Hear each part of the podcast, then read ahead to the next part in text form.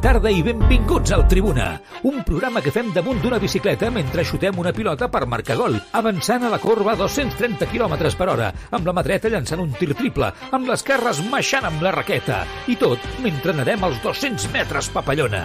Això és el Tribuna Marca amb Joan Prats. Què tal, com esteu? Molt bona tarda. Benvinguts un dia més al Tribuna Marca. Joan Laporta descarta fitxatges al mercat d'hivern i recorda que la plantilla que té Xavi Hernández per poder afrontar la resta de la temporada és una gran plantilla. No, pero eh, vamos a, a, en verano ya volveremos a estar en 1-4. Sí que es cierto que si tuviéramos que eh, fichar algo quizás eh, vendría a hacerlo este invierno, pero la verdad es que tenemos un equipo muy competitivo y ya te digo, solo hay que ver el Mundial, que es el equipo o el club que aportamos más jugadores al Mundial, 17 jugadores, pienso que es importante. Y ya dice mucho del buen trabajo que se ha hecho, son jugadores que están jugando de titulares en sus clubes eh, y en sus selecciones y además, pues ya te digo, esto refuerza y, y es una prueba evidente de que Xavi Hernández está haciendo un gran trabajo. Presidente, eh, bueno, tira, ja, tira. Canvi de discurs del president del Futbol Club Barcelona respecte a haver o no fitxatges. Curiós, eh? No deixa de ser curiós eh, aquestes declaracions quan sempre s'havia dit que precisament ell va obrir la porta a possibles eh, fitxatges quan es va parlar, quan es va, van haver molts eh, mals resultats, no? En aquell tram amb l'Inter, amb el Madrid i tot plegat, va haver una psicosi de cop no? per eh, plantejar fitxatges al mercat d'hivern quan, insisteixo, jo crec que pràcticament ningú pensava en que això arribaria a ser una realitat de forma contundent. La Lliga apreta, la Lliga ha canviat alguns paràmetres respecte a la situació econòmica. De fet, en una notícia de rac de fa una estona, les palanques, a partir d'ara, les famoses palanques, estaran limitades. Només eh, pot cedir ingressos futurs recurrents un cop. BLM, per exemple, no servirà en termes de fair play. El Barça ja sap que la Lliga ha fet adaptacions que l'afecten de ple i per això hi ha hagut aquest canvi de discurs que acabem d'escoltar del president Joan eh, Laporta. Estaria bé que ho digués, sota el meu punt de vista, de la mateixa manera clara que és, i és que a partir d'aquí eh, doncs, eh, el canvi de postura no? respecte a fitxar o no fitxar al mercat d'hivern té a veure amb una cosa tan simple com que la Lliga ha canviat els paràmetres. I si s'ha de disparar a la Lliga, que es dispari a la Lliga si el president Laporta ho creu oportú. Mm, el que passa és que, clar, primer és una necessitat eh, total, s'ha de reforçar cada dos per tres, i ara el discurs canvia radicalment en aquest sentit, i és un discurs que va lligat no? Eh, que no, no, però tenim un equip boníssim. Ostres, fa dos mesos l'equip necessitava ser reforçat. El mateix equip ara ja, perquè és l'equip que més eh, jugadors porta al Mundial, ja no cal que es reforci.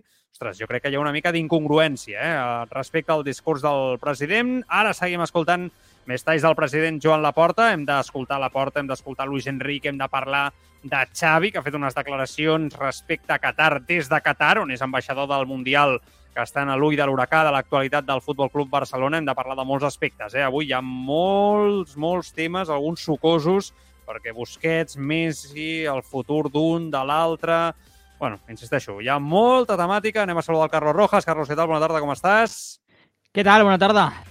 Tot bé? Sí, con ganas de esta recta final del Mundial, porque la verdad es que está siendo un Mundial bastante chulo. Sí.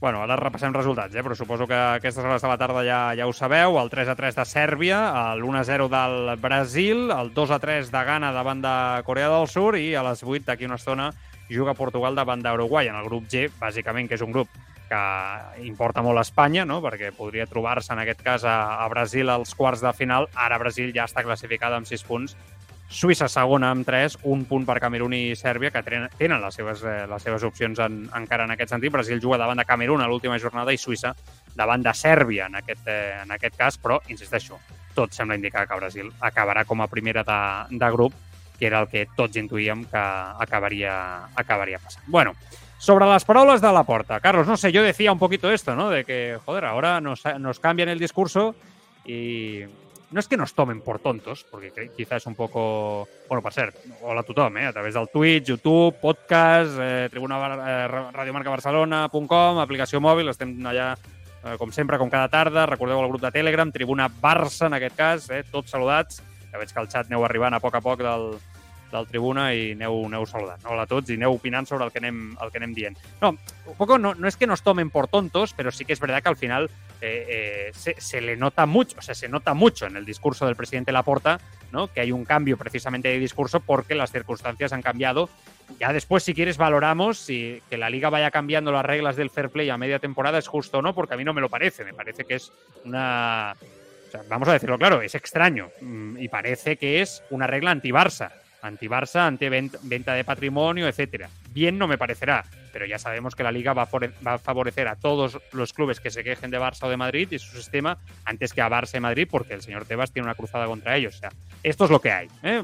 Lamentable, pero, ostras, la porta ahí que nos lo diga claro, ¿no? Pero lo que una plantilla necesitaba ser reforzada, que yo creo que esta plantilla en lateral derecho necesita ser reforzada, ahora en invierno ya es una mejor, la mejor plantilla del mundo. se ha hecho un muy buen trabajo y con ella se va hasta el fin del mundo y a final de temporada y se va a ganar todo estupendo, todos fantásticos. Bueno, es una plantilla en construcción y que necesita para mí un gran retoque, que es el lateral derecho. El resto, sí, estoy de acuerdo, pero ese discurso me hubiera gustado que hubiese sido igual, adiós la cámara de Carlos Rojas, hubiera sido igual hace, hace no sé, dos, eh, dos meses, ¿no? Que creo más o menos cuando salió este discurso de fichar en el mercado de invierno, que les entró una psicosis colectiva ante los primeros malos resultados, que tampoco lo entendí, tengo que decirlo, Carlitos.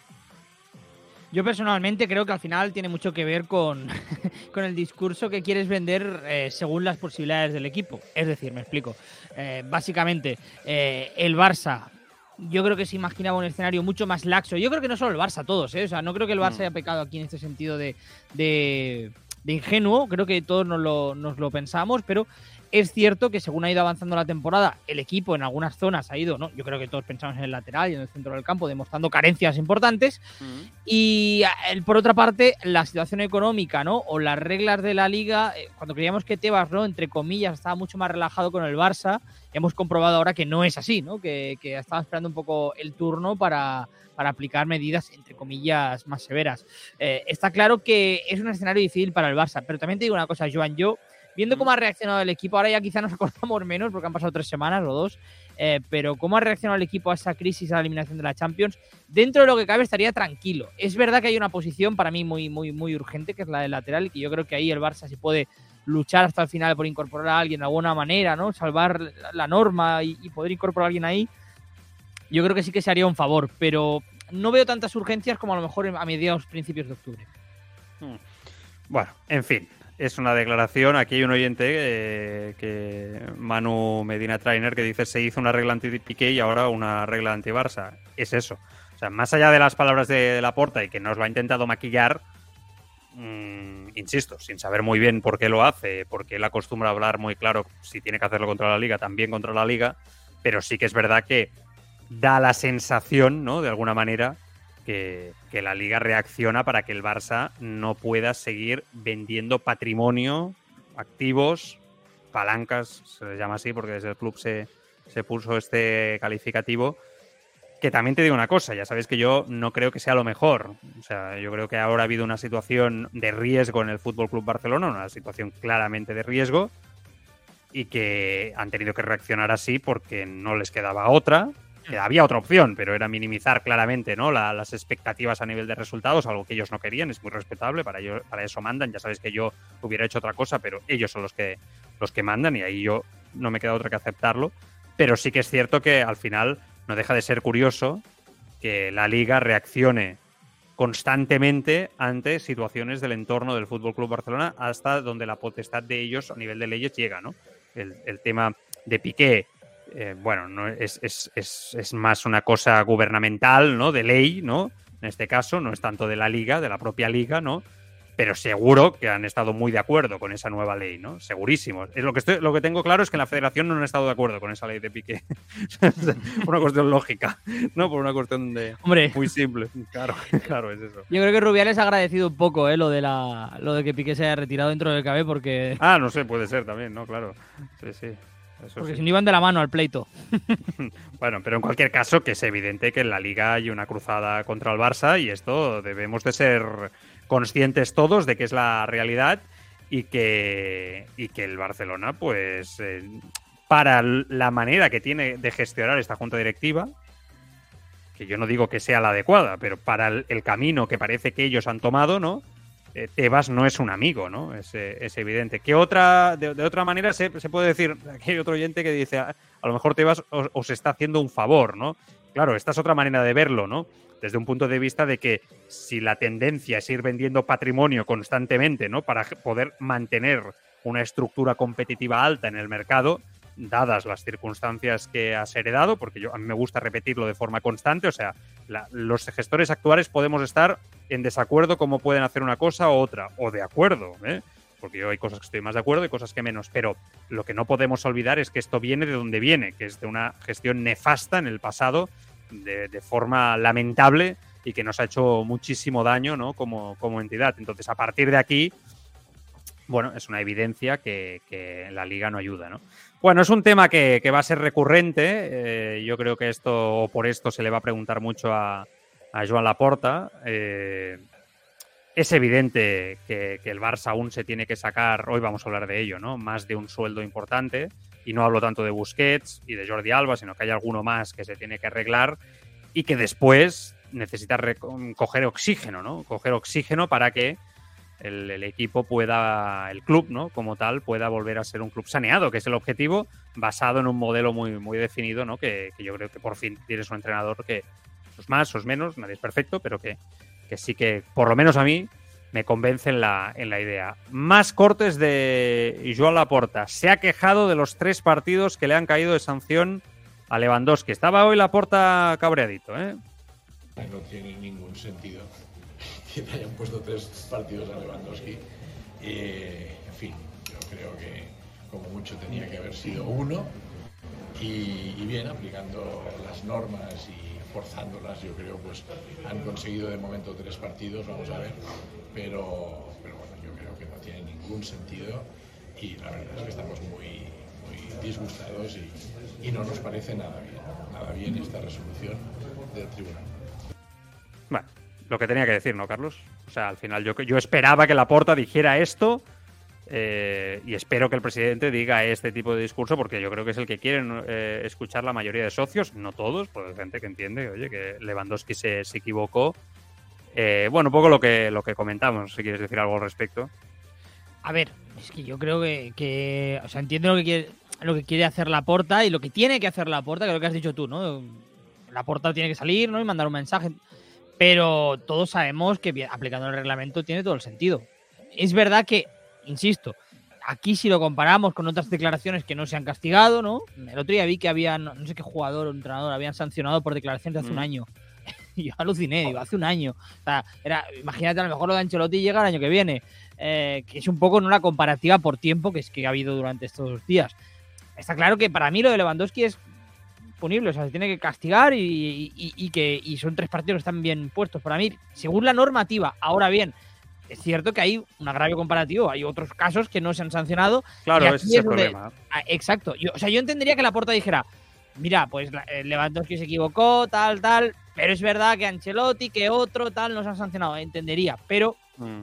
Mm, estaría bien que a lo mejor el presidente, o sea, yo, o sea, yo creo que él intenta defender a Lewandowski, me parece bien y me quedo con eso pero creo que hay otras maneras de defenderlo, ¿no? Creo que hay otras formas de salir y, y, quejarte. Por no abrir otra vez el debate, porque Laporta aún no había hablado de esto, ¿no? Y es verdad que hoy se le ha preguntado en este acto solidario de Enric Masip y tal, pero, pero tocaba, ¿no?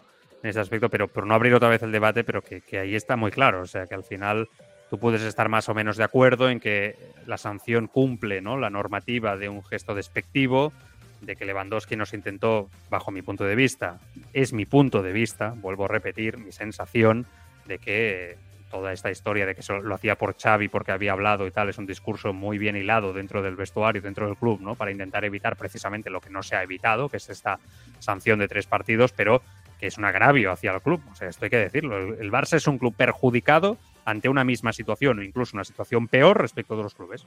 O sea, esto es así, hay que repetirlo, hay que decirlo claramente. Y el Barça no debe bajar la cabeza ante ello, porque lo que no puede ser es que el entrenador del equipo rival haga las declaraciones que haga, máximo rival, y no obtenga sanción. Y otros tantos jugadores en redes sociales y otros jugadores de otros equipos, etcétera. Y lo que no puede ser es que el Barcelona se encuentre en una situación donde es claramente perjudicado cuando otros no lo son. Eso es lo que hay que decir, ¿no? Si, oye, si la norma se aplica bien, se aplica bien para todos. Pero lo mismo diría si fuera al revés, ¿eh? O sea, si fuera para el Madrid diría lo mismo. O sea, lo que no puede ser es que para unos sí, para otros no. Entonces la gran pregunta es, ¿por qué? Bueno, pues da la sensación que ahora mismo estamos en una de esas épocas donde el Barcelona está en una situación que a nivel de despachos no es respetado. Eh, el fútbol, lamentablemente, no, ha conseguido aún nunca dar un paso al frente para ser un deporte lo máximo equitativo posible, ¿no?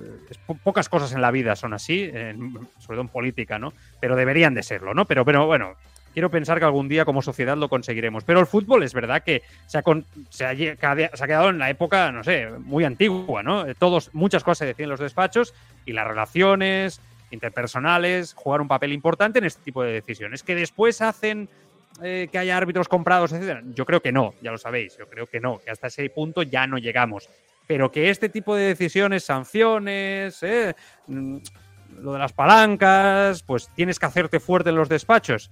Yo creo que esto es una obviedad, ¿no? Esto es una obviedad y que ahora mismo ni Barça ni Madrid, ¿eh? Yo no creo que tampoco el Madrid ahora mismo sea un equipo respetado ni en federación ni en la liga. O sea, creo que ahora mismo es el problema que tienen los dos aunque es verdad que el Madrid tiene un peso ¿no? institucional histórico que me da la sensación que ahora mismo el Barça no tiene. ¿no? Eh, o Laporta, fíjate, Laporta ha sido seguramente el presidente más respetado en federación y liga, yo diría de la historia, por lo menos moderna, del, del Fútbol Club Barcelona. Pero en esta segunda etapa, de momento, no lo ha conseguido, eso es así.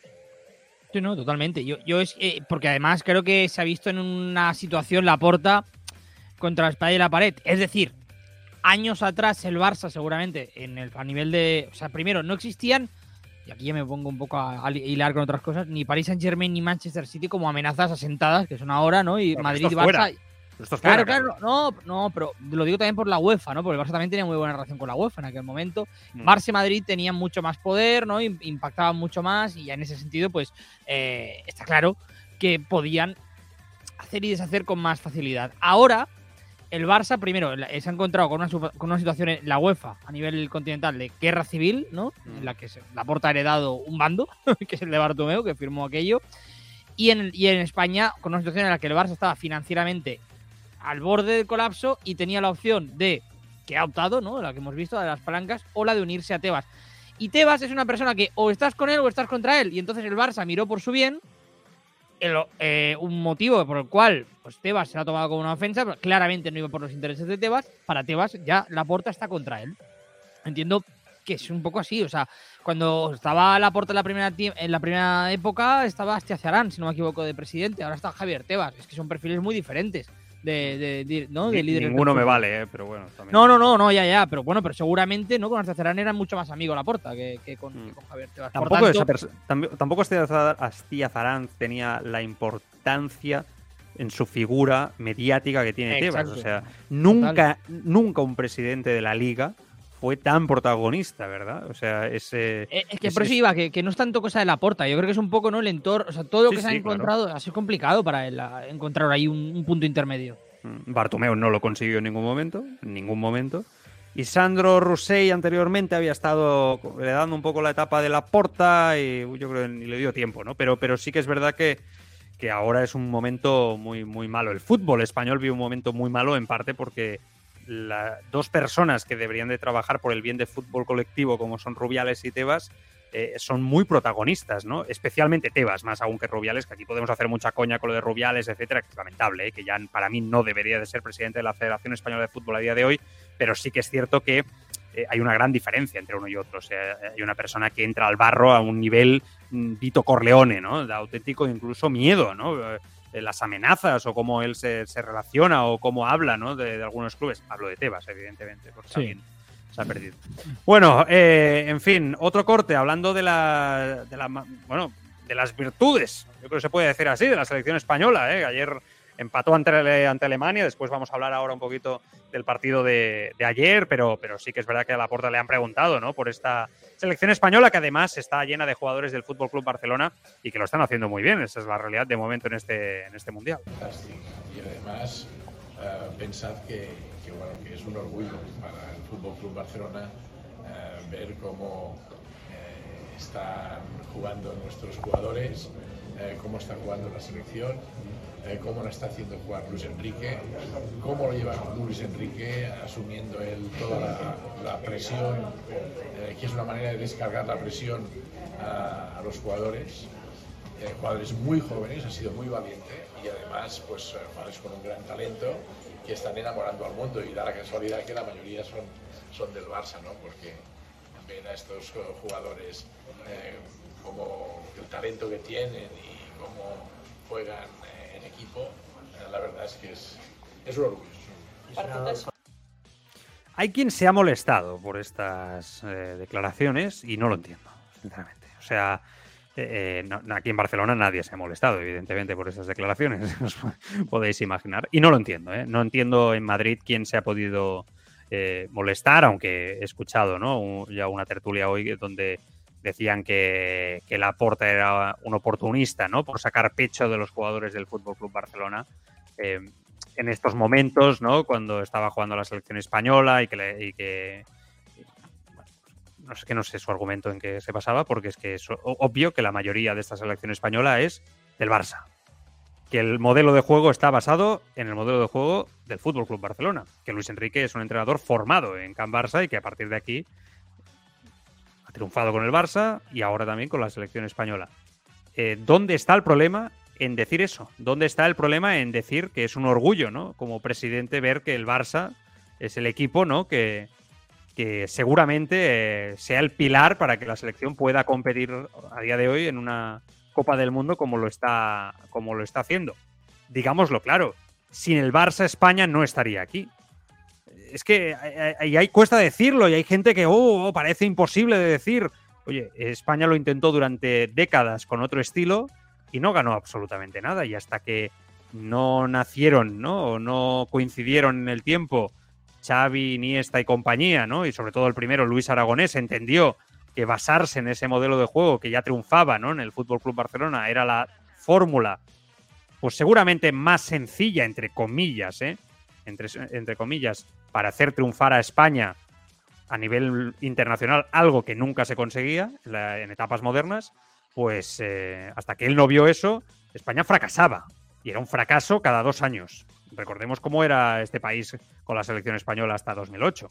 Es que al final nos olvidamos, ¿no? Entonces, gran parte de este, del mérito de la selección se lo tiene que atribuir el Barça, sí. ¿Se lo tiene que atribuir Xavi Hernández también en parte? Sí, también, claro. Y hay que decirlo, y hay que decirlo con orgullo. Y, lo triste es que no se pueda reconocer en algunos sectores y que les duela tanto. Eso es lo triste para mí. Eso es la, tristeza que yo veo cuando escucho a según quien que es incapaz de decir, no, es que, ostras, España eh, parece que haya ganado el Barça los mundiales y las Eurocopas. No lo ha ganado el Barça, pero se ha fomentado en el modelo de juego del Barcelona. Es un orgullo para mí que sea. Yo, como culé, es un orgullo para mí que sea así. Y lo, de- celebré porque, sobre todo, también había ahí gente del Barcelona de una manera muy importante, siendo capital en esa estructura de juego. Y me pasa lo mismo ahora. Yo ver ahora esta selección española que está jugando, francamente, yo creo que bien. ¿eh? Ayer le costó en algunos tramos, pero veo que puede competir con cualquiera y que puede llegar lejos y que Luis Enrique tiene claramente la idea identificada. Para mí es un orgullo. Ostras, de verdad, es que mientras haya gente que además tiene opinión pública que le quiera mal ¿no? a esta selección española, es que eh, la propia selección está perdida. Para mí. Yo, yo creo que es algo evidente. O sea, al final, hablar de, de de la influencia del juego de posición, ¿no? Eh, de la posesión del, Bar, del, del Barça que ha implantado Luis Enrique, que los jugadores. Ahora es verdad que la mayoría de jugadores también son del, son del Barcelona, pero eh, es verdad que para mí la situación es diferente, ¿no? A 2008-2010, porque en aquel momento el modelo del Barça era un modelo de ultra éxito. y Ahora mismo el Barça, por ejemplo, está teniendo problemas, ¿no? Para implantar ese sistema de juego. En cambio, España parece que le va mejor. Me, Mm. me sorprende una cosa en en ese sentido y es eso, ¿no? Que, que Luis Enrique está sabiendo jugar más al estilo del Barça que Xavi Hernández, como entrenador, digo. Evidentemente, Bueno. imagino que porque está más, más, más probado como entrenador, ¿no? Eh, con los jugadores y con ese centro del campo, Busquets, eh, Gaby, Pedri, ¿no? En muchos Mm. momentos que, que, bueno, que yo creo que, y aquí lo hemos dicho muchas veces, que al final mm, era un poco el que tenía que probar Xavi de forma más sostenida, con Luis Enrique parece que funciona. Y también me, me sucede una cosa, Joan, lo estaba pensando viendo el partido. esta España de Luis Enrique juega más al modelo Barça que el Barça de Luis Enrique, ¿no? Porque aquel Barça de Luis Enrique era un juego, un juego, un Sí. juego más vertical. Pero hay que, hay que matizar eso. no, ¿eh? Aquí- Ayer aquí el- no. Ayer estuve haciendo como todo el fin de semana, ¿no? El, el sábado hice el directo con David Bernabeu en, en Twitch en Sport, en el diario Sport, el sábado de la Argentina y ayer estuve haciendo el de España. Y ayer lo comentábamos esto precisamente. Luis Enrique juega ese fútbol porque tiene a Neymar, Luis Suárez y Messi. Y él entiende que no jugar ese fútbol, ¿no? Seguramente es un sacrilegio, ¿no? O jugar un fútbol más directo, pero que seguramente si no hubiera tenido esos tres futbolistas, Luis Enrique hubiera sido en el Barça lo que estamos viendo ahora con España. Y te voy a decir una cosa, ¿eh? Seguramente en Europa, más allá del primer año, le hubiera ido mejor al Barça. Pero también, fí- fíjate, o sea, me pareció muy inteligente, ahora viendo, ¿no? Vista atrás, eh, no solo aquella, aquel tridente, evidentemente que te condiciona mucho, sino porque eh, Rakitic, por ejemplo, era un perfil de jugador, ¿no? Que el Barça ahora no tiene y que en aquel momento el Barça pues, no tenía un perfil como el de Pedri Gavi, ¿no? No tenía esos perfiles, tenía un Iniesta que aún estaba en un buen momento, pero un Xavi que ya no Mm. tiraba, ¿no? Para una temporada entera. Un año. Eh, no claro, claro, es que me pareció, me, eh, me parece que, que fue muy inteligente Luis Enrique. Pero ojo, con lo- ojo, Xavi. Ojo, Xavi, porque yo creo que Xavi se va precisamente por esa evolución en el fútbol, por ese fútbol más directo. Si Luis Enrique, en cambio, hubiera seguido jugando o hubiera jugado un fútbol basado más en un juego posicional más puro, como el que estamos viendo ahora en esta etapa en la selección española de Luis Enrique, yo estoy seguro que Xavi aún podría haber tenido cuerda para rato, ¿eh? porque el fútbol de Xavi era de todo menos físico, era sobre todo técnico, ¿no? En ese aspecto. Y Xavi no tuvo un, un bajón físico porque es que, insisto, entenderme entre comillas, ¿eh? pero la idea, aquí siempre se decía, joder, es que Xavi jugando así puede aguantar hasta los 40 años. Porque- Yo, yo te, lo compro, te lo compro, pero a medias. por- Porque est- est- estando de acuerdo con lo que dices, es verdad que Xavi cuando se va del Barça, a mí me dio la sensación, al menos la sensación mía, de que no puso ninguna pega. Es decir, yo creo que él sentía que era, era el momento. de Claro, que- sí, sí. Él sentía Pero- que a lo mejor físicamente ya tampoco estaba. ¿eh? Yo, creo que él aprovecha que hay esa transición hacia el tridente, ¿no? De una forma clara. Recordamos que se viene de- de- del Tata, ¿no? O sea, que, también. O sea, que se viene de un momento un poco bajo, ¿no? En ese aspecto y donde hay dudas ya respecto al estilo, ¿no? Y empieza a haber eh, dudas importantes. Entonces sí que es verdad que, al fin y al cabo, ostras, eh, Luis Enrique da ese paso y yo creo que Xavi entiende que dice, bueno, pues seguramente este es el momento, ¿no? Y hace un último año de servicio al club, sobre todo mediando entre Luis Enrique y Messi los primeros tres meses de forma importante. Sin él hubiera sido imposible que ellos hubieran hecho las paces. Eh, esto es así, es historia del barcelonismo y a partir de aquí él después se, se va. No sé, es interesante el debate, pero también es verdad que, por ejemplo, ayer me fijaba, ¿no? Ya después, si queréis, hablamos más del partido, pero ayer me fijaba, por ejemplo, Unai Simón, que tuvo paradas buenas ayer, ¿eh? fue importante, pero también es verdad que tuvo errores con el balón en los pies, importante. ¿Por qué? Porque Alemania presionaba muy arriba y es una selección que aprieta. ¿Qué pasa?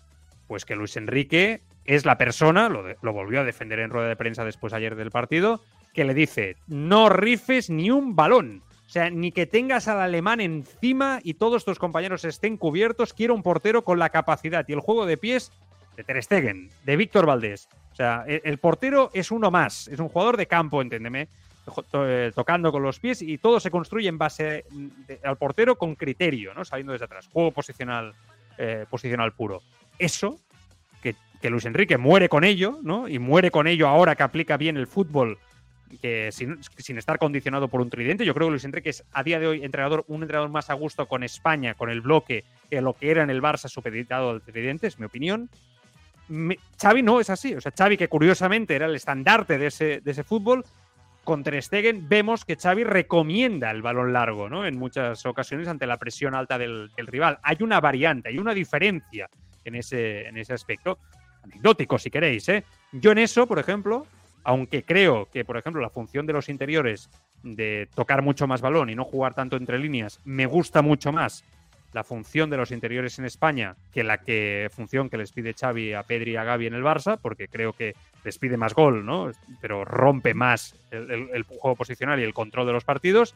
A la vez en esto del, de- del juego desde atrás, Carlos, ahí prefiero a Xavi. O sea, prefiero un entrenador que, que- que si ve que te están haciendo daño con la presión desde atrás, el portero, además tiene un buen juego de pies como es Ter Stegen, tenga capacidad para romper líneas con pases largos, a mí me parece adecuado. Lo hacía Guardiola, lo hacía Rijkaard y no debemos de morir por, por hacer dos o tres veces eh, durante el partido eso. ¿no?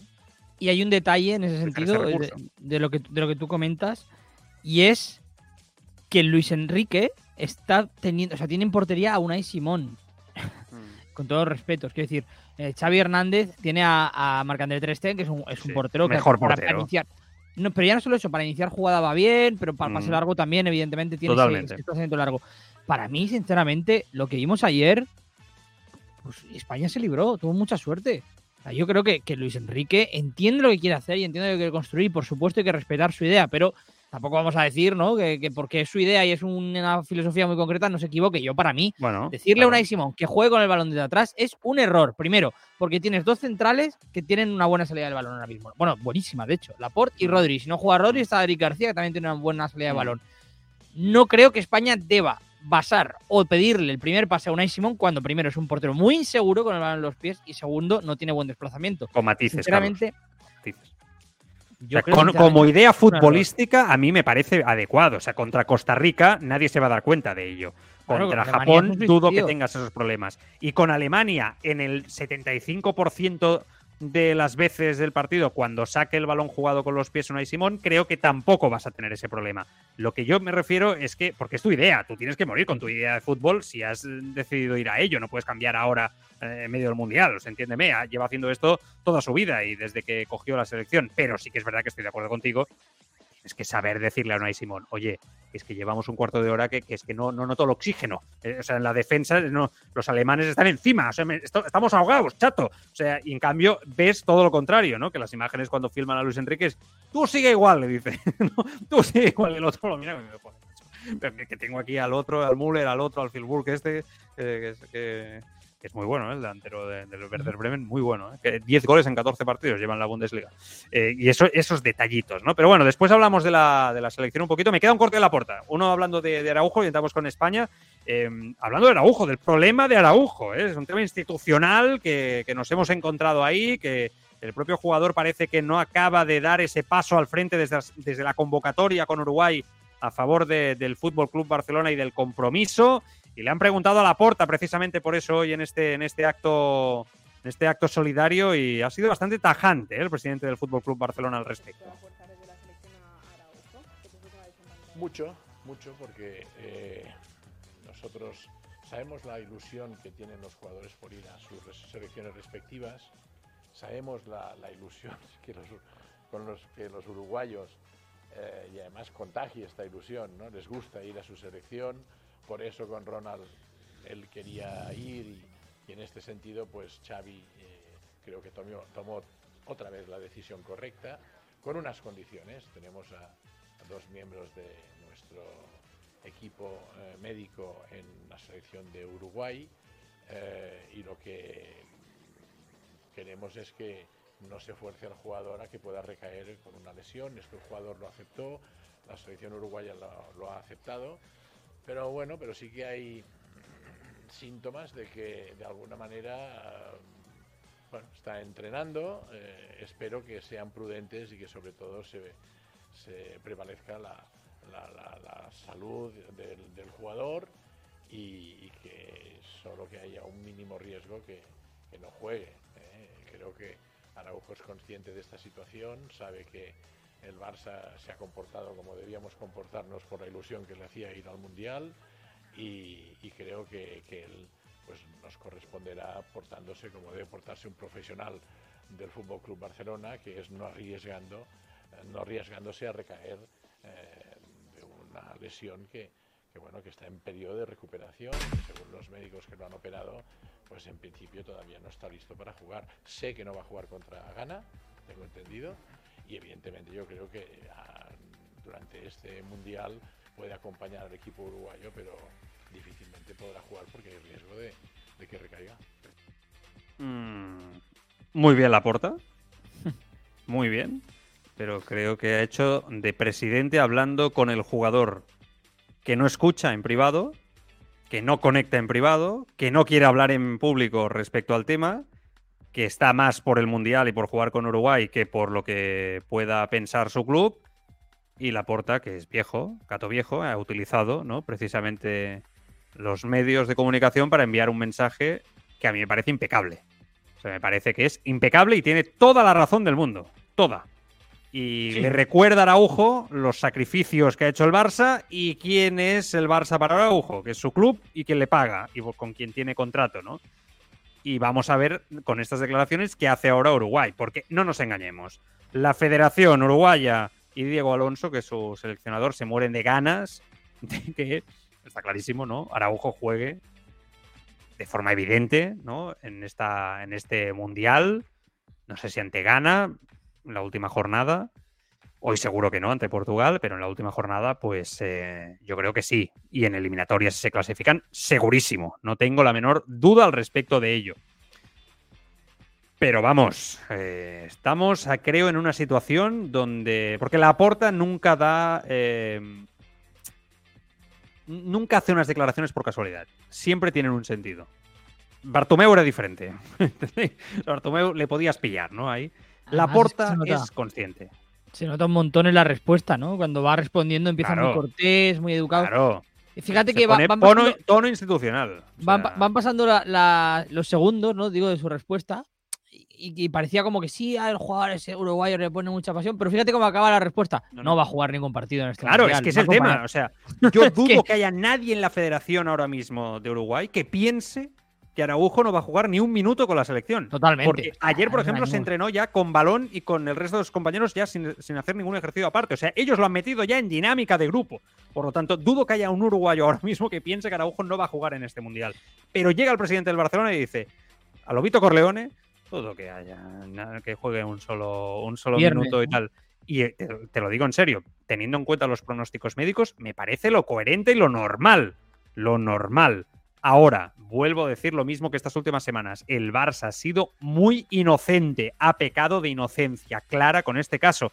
¿Para qué pensaban que iba Araujo con Uruguay? Eh, ¿A sacar los pompones y a, ondear la bandera? O sea, es que entenderme, o sea, al final era lógico que el jugador iba a forzar y por eso vino Diego Alonso a Barcelona a comer con Xavi a reunirse sobre este tema. Hemos pecado de inocencia y ahora está bien que por lo menos el presidente dé un golpe encima de la mesa. También te digo una cosa, Ojo, después de estas declaraciones que acabamos de escuchar, ojo como Araujo dispute un solo minuto con Uruguay o con su futuro con el Barça. ¿eh? El viernes. El viernes se dice muchas cosas. Eh, evidentemente, por lo que sea, si Uruguay gana el partido de hoy, me cuesta creer un escenario en el que, Araujo vaya a jugar. O sea, quiero decir, no creo que, que lo mm. arriesguen contra Gana. Ahora, si el partido es vida o muerte, viernes a las 4 de la tarde, apuntemos todos, no tengo ninguna duda. Además, es que yo creo que, yo creo que esta noche, entre esta noche y la rueda de prensa del jueves de Diego Alonso, lo vamos a saber. O sea, si hoy mm. Uruguay pierde o, no gana contra, contra Portugal, seguro que le van a decir, bueno, Araujo jugar al tercer partido, Mister, llega al, tercer partido. seguro. Eh, y se va a tener que, mojar. Pero, Ahora, Carlos, no tengamos ninguna duda. ¿eh? Juega en octavos, octavos. O sea, si, si Uruguay se clasifica a octavos de final, que nadie dude por un solo segundo. Araujo va a jugar. O sea, es que ha ido para ese mm, partido, literalmente. pues ojito con eso, ¿eh? porque Araujo es un jugador muy querido en el Barça, pero la gente eh, lleva mucho tiempo con ciertas actitudes de ciertos futbolistas que ya no pasa ni una. Está cansadita de este tema y me parece lo más lógico. Y para mí, bajo mi punto de vista, creo que el chaval se equivoca de forma clara. O sea, llegados a este punto y después de haber escuchado al presidente del Fútbol Club Barcelona, si yo soy Araujo y entendiendo que estoy en dinámica de selección y de mundial y quiero jugar, yo voy a Diego Alonso y le digo, oye, me están apretando mucho en el Barça, no me la puedo jugar. Estoy aquí, estoy en el Mundial, estoy dando apoyo, pero no me pongas, no me pongas. Ya sé que esto es, eh, lo que estoy diciendo yo es eh, algo impensable para un uruguayo en un Mundial y Araujo se ha ido es porque piensa todo lo contrario, pero aplicando el sentido común, si yo fuera Araujo, vamos, no, dudaría, es que creo que el futuro de Araujo en el Barça puede llegar a estar en entredicho, porque es que la situación es complicada. O sea, si ahora Araujo juega, será porque él quiere. no hay más, porque el seleccionador, como dice Carlos, lo va a acabar poniendo, sea en el último partido de la fase de grupos, si no, octavos, seguro. Lo va a acabar poniendo si se clasifican. La, puerta ha sido muy claro, no hace falta traducir nada. Entonces, el chaval aquí tiene que decidir, ¿no? Eh, es joven, sí, se puede equivocar y tiene margen, sí, pero. Es que, es que no se puede. ¿eh? yo no me puedo imaginar, tú lo has dicho ahora, en ese sentido lo que te iba a decir. Eh, Araujo es joven y yo no me imagino su primer mundial joven en Qatar, en dinámica del primer equipo, siendo importantísimo, esperando que todo el mundo juegue. El día a día, eso de acompañar a, Uruguay no existe. sea, no existe. O sea, Por tú, estás en el día a día, en la dinámica, y, Claro. y yo creo que él piensa, madre mía, cada día tengo más ganas que jugar que, ayer. Ve el primer partido de la grada y dice, normal. ojalá estuviera ahí. Claro, es normal que llega Normal. octavo, le puede tocar Pues que Araujo no tendría que estar ahí. No. Es, que, es que Araujo no tendría que estar ahí. Es que el Toca- problema es del Barça. Imagínate que le toca a Brasil a Uruguay en octavos. Es que claro, Brasil-Uruguay. Ya, ya, pero es que te vuelvo a decir lo mismo, que no debería No, estar no, ya, ya. Es que, pero es que yo no creo. También te digo una cosa, ese es otro tema. Siempre decimos que el Barça ha pecado de inocente, pero es que, ¿y si el Barça no ha pecado de inocente? Porque me cuesta creer que en el Barça sean tan ingenuos realmente de Bueno, a saber ver, que Uruguay. Hasta donde yo no iba a- sé, Diego Alonso aparece en Barcelona, ¿no? Antes de viajar todos hacia Qatar juntitos. Aparece por la ciudad deportiva, habla con Xavi, comidita, todos juntos, y Diego Alonso le pide, por favor, No, a ver, seguro, es así. de Pero- buen pero- rollo, y Xavi entiende que con un colega de profesión no lo va a traicionar. Y, le- y Xavi le dice, oye, te voy a enviar a dos fisios del club, de los que ya dijimos el nombre en su día, que te van a acompañar para ver si hay una remota posibilidad de que el chaval esté bien y yo que sé, lleguéis a semis y, y tengáis en- al mejor defensa que tenéis, ¿no? Seguramente en Uruguay, sin lugar a dudas ahora Cuando mismo. Godín, pues imagínate. Claro, claro, exacto. Entonces, eh, bueno, yo creo que Xavi dice, bueno, pero si no tenéis el ok de los fisios, no me lo vais a poner. Y ese es el tema, que pecan de inocentes y después se encuentran en un panorama donde les han tomado el pelo. Sea, los uruguayos han jugado sus cartas y el propio Araujo sabía que Uruguay estaba forzando la máquina de esta manera. Y está claro, y por eso cuelga aquí el mensaje en redes sociales Araujo. Gracias, Fútbol Club Barcelona, por dejarme ir al Mundial, cumplir mi sueño, tal. ¿Vale? Pero, pero, pero aquí estamos olvidando que los fisios van con un condicionante que es la opinión médica del Barça y los médicos y el tiempo de baja. Y aquí se dijo que hasta mitad de enero no entraría en dinámica para empezar, empezar a ir entrando poco a poco, ¿no? En ritmo de partidos. Final, mi- mitad de enero. Y estamos, insisto, es que ni al mes de diciembre. Y se está hablando de que este jugador está entrenando ya cada día en la selección de Uruguay. O sea, esto mm, puede acabar mm, muy feo. ¿eh? Voy a leer mensajes. Carlos, vamos a leer eh, mensajes de la, de la audiencia. ¿Qué dicen? Venga, eh, twitch.tv, el tribuna. Twitch.tv a- al tribuna. Empezamos con un mensaje de inicio del, programa con Tugromi reculando. Hace nada decía que iban a haber fichajes. La porta igual a improvisación. Juanma Fuentes decía, a lo mejor Tebas os está haciendo un favor respecto a lo de que el inicio del programa con el tema de los fichajes. Eh, Albert Catfree decía, doncs fiquem en Tebas de president, Toni Cule 83, sin excusas, todos en cuanto vimos el gesto de Lewandowski supimos que le iban a meter partidos por el tema de la polémica Lewandowski.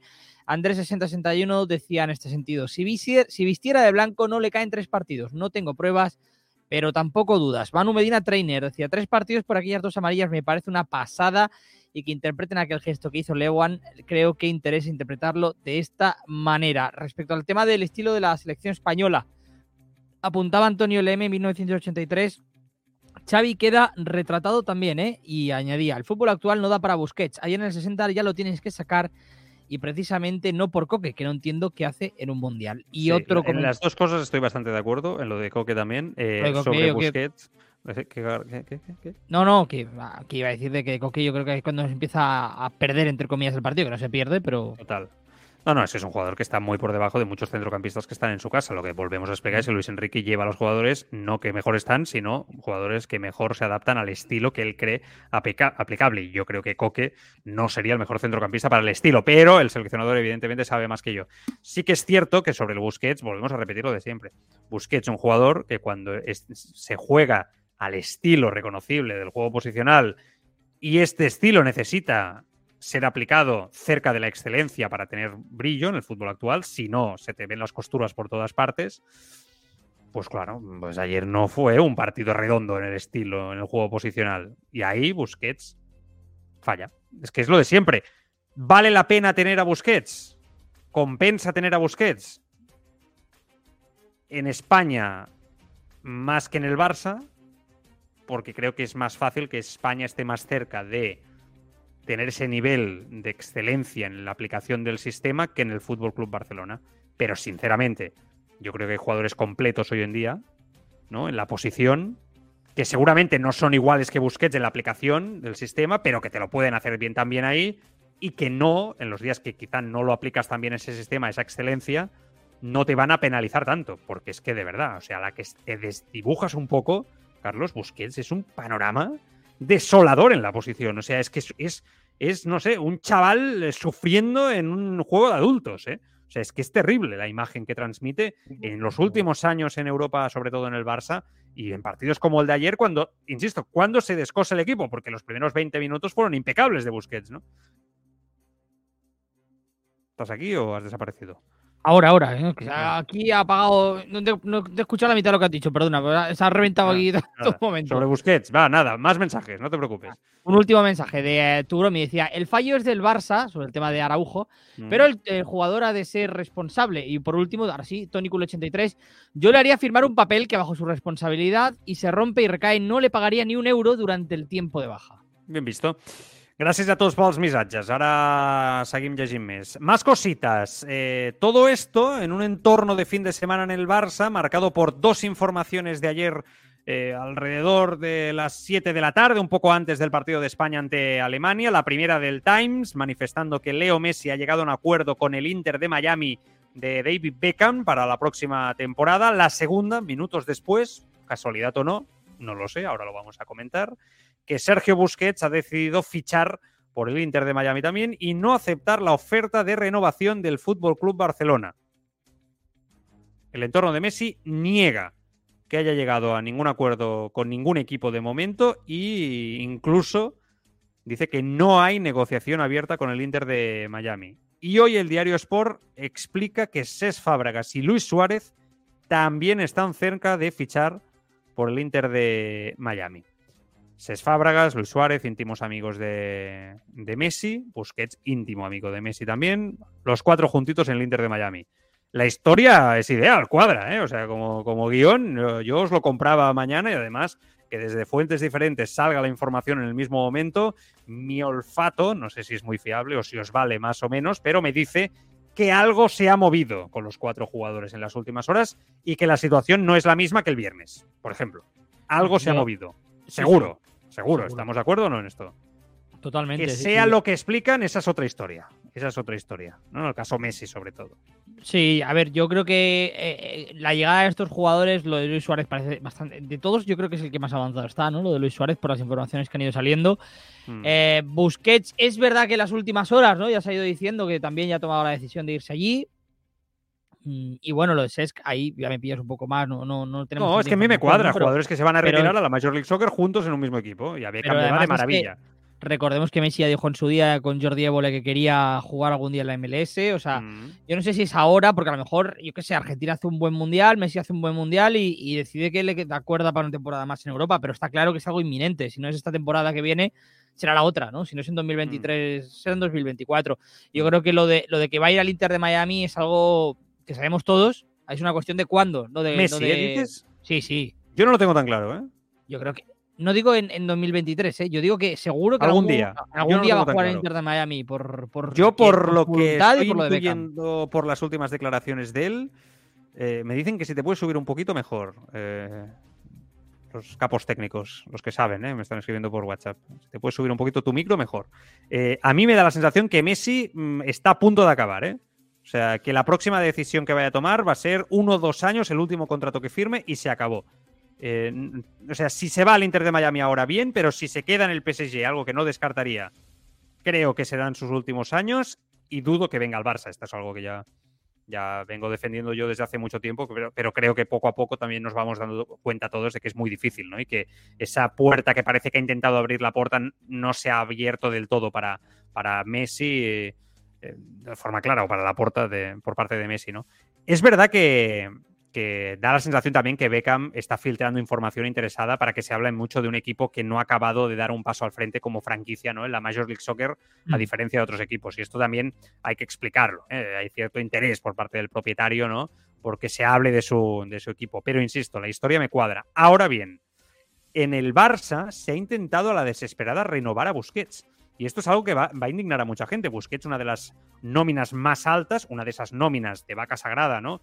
Que ha llegado a arrastrar un poquito ¿no? al club en los últimos tiempos de forma económica claramente, que el club desea sacarse de encima, pero a la vez futbolísticamente hay una psicosis al día después sin Busquets en esta, en esta posición, sobre todo de su entrenador Xavi Hernández está obsesionado con que Busquets tiene cuerda para rato, cuatro años más de fútbol y que debe de continuar sí o sí. ¿Por qué? Por lo que os decíamos antes. Porque Xavi espera, aspira y espera que llegue la excelencia en el juego.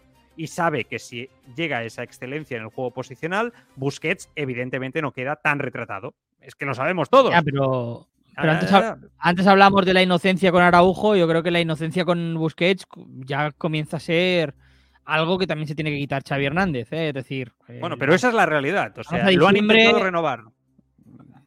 Estamos casi en diciembre y yo creo que la sensación, todo lo que sale de ahí, exacto, lo que tú dices, es que lo han intentado renovar, pero ya no, ya no, o sea, me cuesta creer que el, que el caso de Busquets vaya a dar un giro de 180 grados, la verdad. O sea, yo creo que Busquets lo tiene muy, muy, muy claro, creo que quiere irse del Barça. Vamos a ver mm, si hay un, giro radical, pero al menos a día de hoy ya el Barça debería empezar a planificar la temporada que viene con la idea de que Busquets no está. Por tanto, lo que Xavi insista, insista, insista, me parece bien siempre y cuando sea complementario a la llegada de un jugador en esa posición. Que ya sabemos que por, lo que hemos hablado al inicio del programa no va a ser en enero, pero sí en verano. Tiene que ser seguro en verano. Seguro, sin duda. Eh, Neves descartado por Xavi. No le gusta. Zubimendi es el hombre, pero no acaba de convencer al club. Nico no lo ve ahí. De Jong no lo acaba de ver del todo, lo ve más como interior. O sea, la sensación que hay en el club un poco es que Xavi no se decide por nadie, que quiere Busquets sí o sí. Y Busquets, insisto, parece que está más por la labor de ir decidiendo su futuro ya fuera. Entonces, Busquets es el que dice, yo no sé, yo me voy. Parece que no quiere estar más expuesto a ese ojo del huracán mediático, ¿no? Que representa jugar en el Barça y que es normal. Al final ha hecho una leyenda del barcelonismo ¿eh? y con el tiempo se le valorará mucho más a Sergio Busquets, no me cabe la menor duda. Pero Xavi, intestado, intestado, Busquets, Busquets, Busquets. Vamos a ver quién es. Incluso, yo creo que hay cierta sorpresa en el entorno de Busquets de la insistencia de Xavi porque siga. O sea, el propio entorno de Busquets yo creo que está sorprendido. Y eso es lo que a mí me da la sensación y me preocupa un poco por Xavi, ¿no? Porque digo, oye, a ver, o sea, no vas a encontrar otro Busquets. A partir de ahí es donde el Barça va a evolucionar en esa posición, ¿no? Yo estoy seguro que, la transición va a ser mucho menor de lo que imagina Xavi. O sea, mucho menor, mucho menos traumática de lo que, de lo que cree Xavi. En serio, eh, creo que, que, se va a fichar a alguien que lo puede hacer mejor o peor, pero que no va a ser un drama tan, tan grande. Que Busquets no es un jugador en los últimos cuatro años tan determinante en el juego del Barça y que sale en la foto de muchos momentos trágicos, sobre todo en Europa.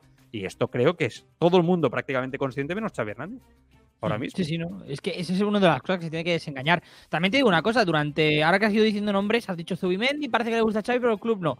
Bueno, pues al final el club, si le pone nombres y Xavi dice que no y Busquets le dice que me, que me, que me voy del Barça, el club tiene confianza en Xavi, como ha vendido la puerta y ha pregonado en todos lados, Usted decir, bueno, pues será Zubimendi. Si es el único que quieres, tendrá que ser Zubimendi. Y más porque Zubimendi es verdad que ha renovado con la Real, pero ha dejado esa puerta abierta en forma de cláusula. Podemos discutir si demasiado alta o no, si no los valios, si no, pero sigue siendo un jugador objetivamente asequible. Quiero decir que el Barça lo puede conseguir pagando una cláusula de rescisión. Será Zubimendi si, el Barça tiene dinero para pagar a Zubimendi, porque todo apunta a que en verano vas a reforzarte con jugadores, eh, agentes libres, ¿no? Eh, jugadores que acaben contrato y que vas a ir a ese mercado, ¿no? Y en ese mercado es verdad que hay algún futbolista, especialmente el tema del Chelsea, ¿no?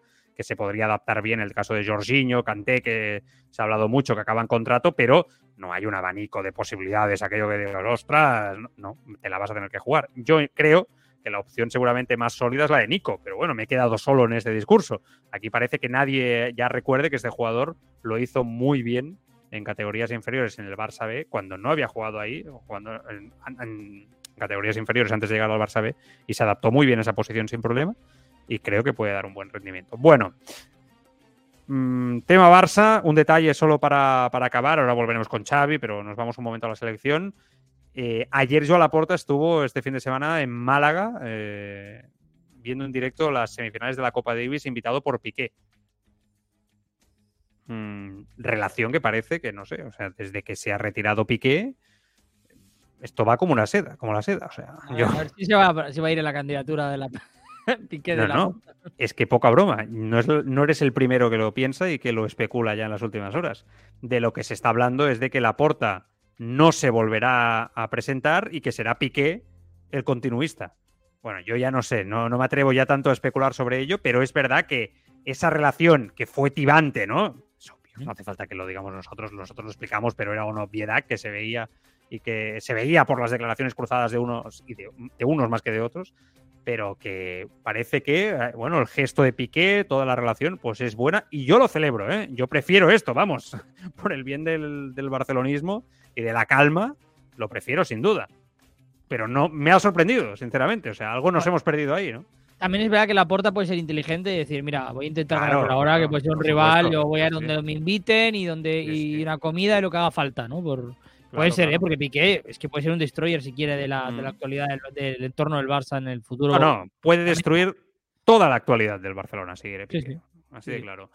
Tema España. Eh, hoy Gaby nos ha entrenado, no parece nada importante. Un golpe con Alemania ayer, no parece nada, nada grave. Y Luis Enrique en rueda de prensa ayer que defiende la situación del grupo actualmente después de esta victoria frente a Costa Rica, el empate ante, ante Alemania y dice que ante Japón no va a haber ningún, ningún tipo de especulación respecto al hay que resultado. estar contentos porque somos líderes en el grupo de la muerte. El grupo que cuando hicimos el sorteo despertó os de eh, admiración y de elogios por los equipos que había. Somos líderes, dependemos de nosotros. El empate seguramente nos clasifique, pero el objetivo es ganar el partido contra Japón. A ver, es un grupo que, que tiene su miga, ¿eh? Eh, Es verdad que un poco en los últimos. eh, en la De la última muerte, jornada. ¿Cómo? ¿Qué dices? Que a mí el de la muerte no- nunca me lo ha parecido. No, ¿eh? no, el de la muerte no, y a mí tampoco. Xavi- Yo- Ay, Xavi, Luis Enrique se tira un poco aquí. Bueno, no. El de la muerte, muerte, muerte, te diría yo para mí. Es verdad que tampoco hay un, grupo así súper. No. No, no. Para mí hay dos equipos marcados en todos, ¿eh? El, de- el de Marruecos un poco, pero no por nivel, sino por igualdad. Igualdad, sí. Bélgica. Está muy repartido en general entre todos los. eh, Quizá te diría que el, el H, ¿no? El de Portugal, Uruguay, Ghana, ¿no? Que Ghana es una selección Sí, más potente. Es de que, es que yo, Corea. no me acuerdo cuando salió lo de Ghana, lo de Ghana cuando Mm. yo sigo creyendo que Ghana se va a meter ¿eh? en, el, en Sí, octavos. sí, sí, puede ser. Yo también te lo, te lo Es compro. Increíblemente competitivo.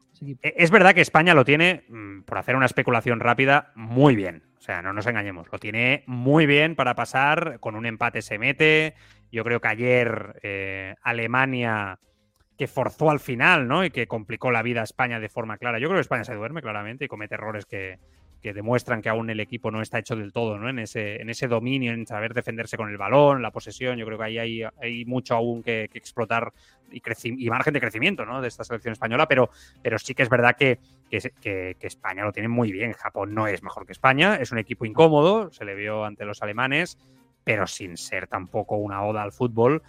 Y Alemania, a ver, yo por lo que veía ayer, ojito con Alemania, ¿eh? que va de tapado y es verdad que en defensa son muy flojos, o sea, realmente es la peor Alemania que yo recuerdo en defensa en mucho tiempo, que quizá le falta gol, pero también es verdad que ayer se encontraron con un goleador quizá inesperado saliendo del banco, que vete a saber si no va a acabar siendo el tanque mítico, ¿no? Típico habitual de la selección alemana goleadora, ¿no? Y yo creo que Alemania va a dar guerra en, esta, en este mundial. Me da la sensación que se mete seguro y que va a dar guerra, ¿eh, Carlos? O sea, Y yo creo que España primera, Alemania segunda, me cuadraría mucho de lo que vaya a pasar aquí. yo creo que es lo que va a pasar, de hecho. O sea, creo que Alemania se va a meter segunda. Recordemos que el ganador, ¿no? Y segundo, se enfrentan a Croacia, Marruecos o Bélgica, ¿no? Uno de esos tres. Eh, yo creo que tanto Alemania como España van a pasar sus eliminatorias, eso sí, por especular. Pero, pero a mí Alemania se me hace cara de cuarto finalista, ¿eh? Quiero decir, no le, a la que venga un grande, un Brasil, ¿no? Tal, un Francia, Alemania no le da. O sea, España, el partido de ayer, es verdad que pues, creo que Luis Enrique se equivoca con los cambios y demás. Podemos hacer el análisis que queráis, ¿eh? Pero yo creo que España en un partido de eliminatoria se habría metido en la siguiente ronda. Creo, ¿eh? es especular. Eh, le- está un pelín por encima de Alemania, ¿no? España, y, y yo creo que es lo que le va a pasar a Alemania. Creo que en cuartos, viendo el lado del cuadro, ¿no? Tanto uno por otro, te va a venir un equipo Sí. fuerte en cuartos seguro. Ahí yo creo que Alemania, salvo que Vamos les a haga ver. el mejor partido del torneo, se va, se va a casar. Pero yo creo que puede ir a más, ¿eh? Si, si pasa esa eliminatoria, ojito, ¿eh? Es que Alemania nunca, la, nunca te puedes nunca te puedes No te puedes fiar, es verdad, es verdad. Esa es la realidad. Eh, hay un peligro para España que es conocido por todos de ser primero de grupo. Creo que esto es una evidencia. Eh, el camino es mucho más complicado, complicado si España queda primera. O sea, mm, no tienes que ir a buscar el segundo puesto, ni mucho menos, pero es así. El grupo E de España se cruzaría con el F y aquí puede ser Croacia, Marruecos o Bélgica, que está muy tocada, Bélgica, muy tocada, pero yo ya dije ayer que a Marruecos no lo quiero ver ni en pintura, ¿eh? porque me parece que es un equipo muy, muy molesto. En cuartos España jugaría posiblemente, si pasa, contra Brasil, siempre que acabe primera del grupo H, que después de lo de hoy creo que va a ser así. Argentina podría llegar en semifinales si acaba primera de grupo, algo que hay que ver también, pero si Argentina también pasase, ¿no? Cuartos, octavos, podría llegar en semifinales. Y si España es segunda, jugaría contra el primero del F, que podría ser Marruecos, por ejemplo, tal como están las cosas. Pero después, por ejemplo, en cuartos podría ser Portugal, que ya no es lo mismo. Y eso sí, después una semifinal horrible, ¿no? O terrible, que podría ser ante Francia o Inglaterra. Todo apunta que podría ser así. Bueno, no sé, ¿eh? es verdad que, insisto, con Luis Enrique no hay ni debate, ¿no, Carlos, al respecto? Pero que está claro que hay una parte del grupo. En otros mundiales o Eurocopas no siempre es así, pero en este yo creo que está clarísimo que por el- la parte de ser primero van los cocos, los grandes rivales, los grandes favoritos a ganar el mundial. El problema de, de eso es que, eh, tú lo has dicho antes, eh, España con un empate se mete y prácticamente como primera, ¿no? Porque España, Claro, claro, si, gana ya suma 5, Alemania Sí, si gana se suma 4, solo te quedaría especular con la derrota. Es Que no lo van a hacer, No lo van a hacer ni de lejos. O sea, España, yo creo que su destino es acabar, salvo sorpresa mayúscula, ¿eh? que, puede ser que Japón ya le ganó a Alemania. eh, yo creo que su destino es primera, pase lo que pase, y a partir de aquí, pues mira, lo que toque, toca. Eh, Brasil ya se ha metido como primera prácticamente, se ha metido ya oficialmente, eh, matemáticamente, pero no como primera aún, pero ya virtualmente va a ser primera, solo le puede superar Suiza y está a dos o tres goles de diferencia. Eh, ya Brasil la vas a tener en cuarto seguro. Eh, por ese lado del cuadro, por tanto, yo creo que es un, es un, es el, va a ser el gran reto ese partido contra Brasil, si llega realmente a darse en cuartos, si ambos superan sus eliminatorias, y, y- y es lo que le toca, es el, es el destino de, de- de esta España de Luis Enrique. Al final, Brasil yo creo que es el equipo más fuerte junto con Francia de la- del Mundial hasta ahora. O sea, Brasil, España y Francia para mí son los más fuertes. Si te tocan cuartos y superas a Brasil, yo creo que quien gane esa eliminatoria va a salir muy, muy reforzada para la final. Bueno, Xavi Hernández, vamos a hablar de él porque este corte ha generado mucha polémica en los últimos eh, días. Eh, sabéis que sigue en Qatar como embajador del, del Mundial. Las últimas horas, ¿no? Sobre todo se ha generado polémica. Eh, ha defendido desde el Mundial los beneficios de Qatar. Dice que el mundo está dándose cuenta de que de lo que es realmente Qatar y que hay muchos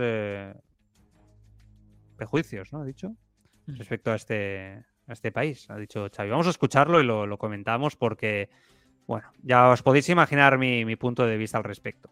Dejará un legado muy fuerte ¿no? Pa- para el país y para la región. Creo que es muy bueno también que la cultura árabe se dé a conocer. Eh, creo que hay un prejuicio muy grande, ha habido mucha crítica hacia la cultura árabe. La gente está viendo lo que es Qatar, que no es lo que es eh, las críticas que, injustas que están recibiendo y creo que la gente se llevará muy buen recuerdo del país. Uno, no me gusta nada, uno, para empezar, la gente que habla por eh, la gente. O sea, la gente que habla por la gente, entenderme, ¿eh? O sea, los personajes públicos que cogen el discurso y se lo hacen suyo, ¿no? La gente dice, la gente se está dando cuenta. No, la gente no se está dando cuenta de esto, Xavi. O sea, hay que decirlo claramente. O sea, es el mundial de la vergüenza. Nos lo estamos comiendo porque no nos queda otra y porque al final es fútbol, es actualidad, nos gusta el deporte, nos gusta el fútbol y profesionalmente a nosotros nos obligan.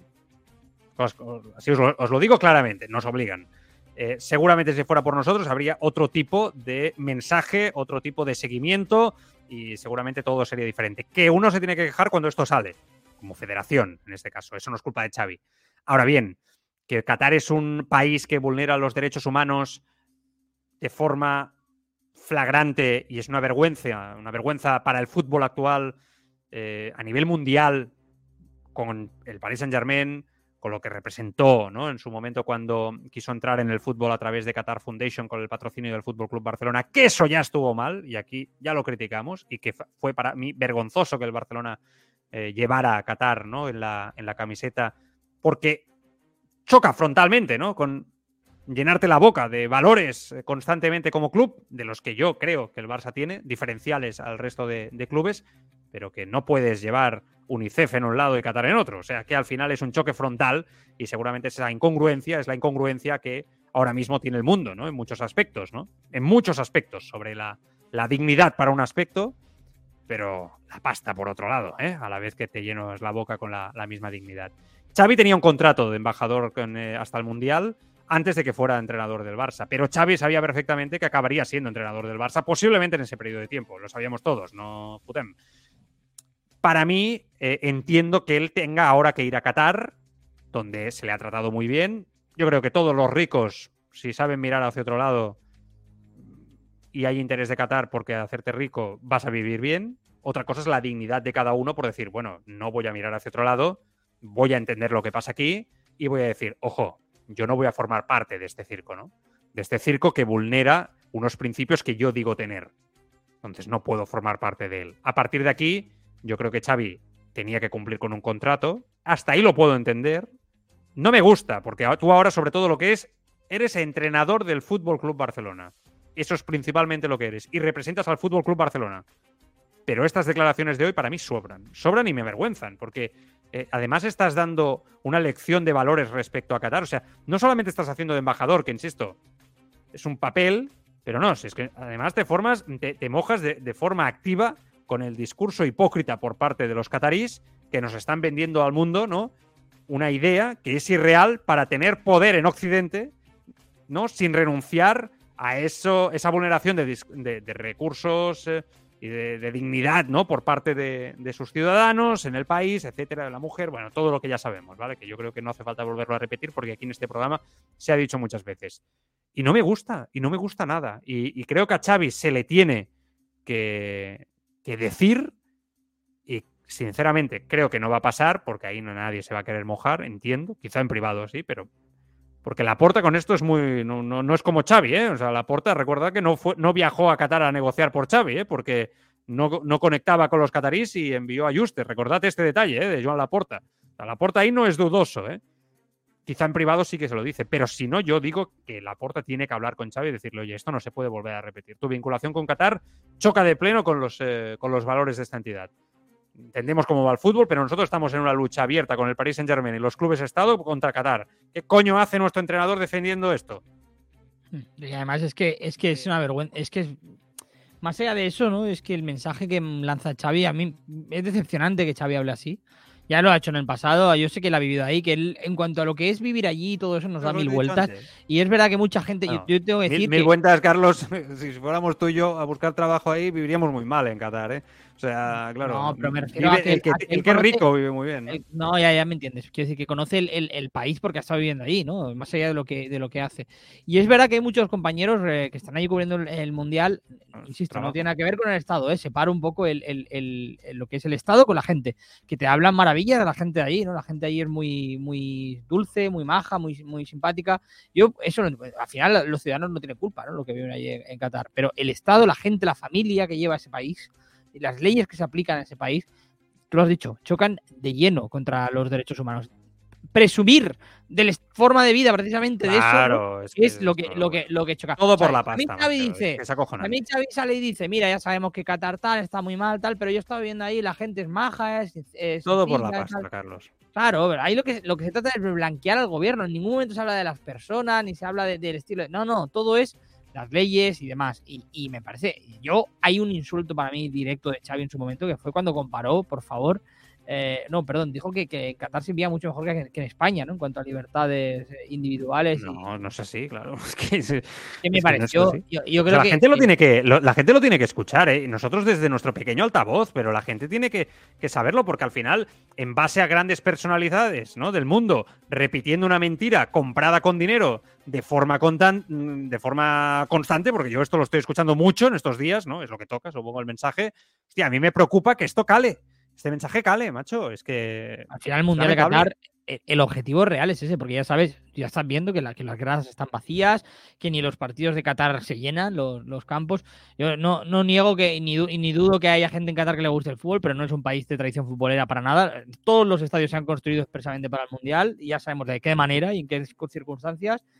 Por tanto, mm, dice muchísimo ¿no? de lo que es el país, la tradición. O sea, quiero decir, no, no nos engañemos. A la gente de Qatar a los que mandan en el país no les interesa el fútbol, les interesa esto.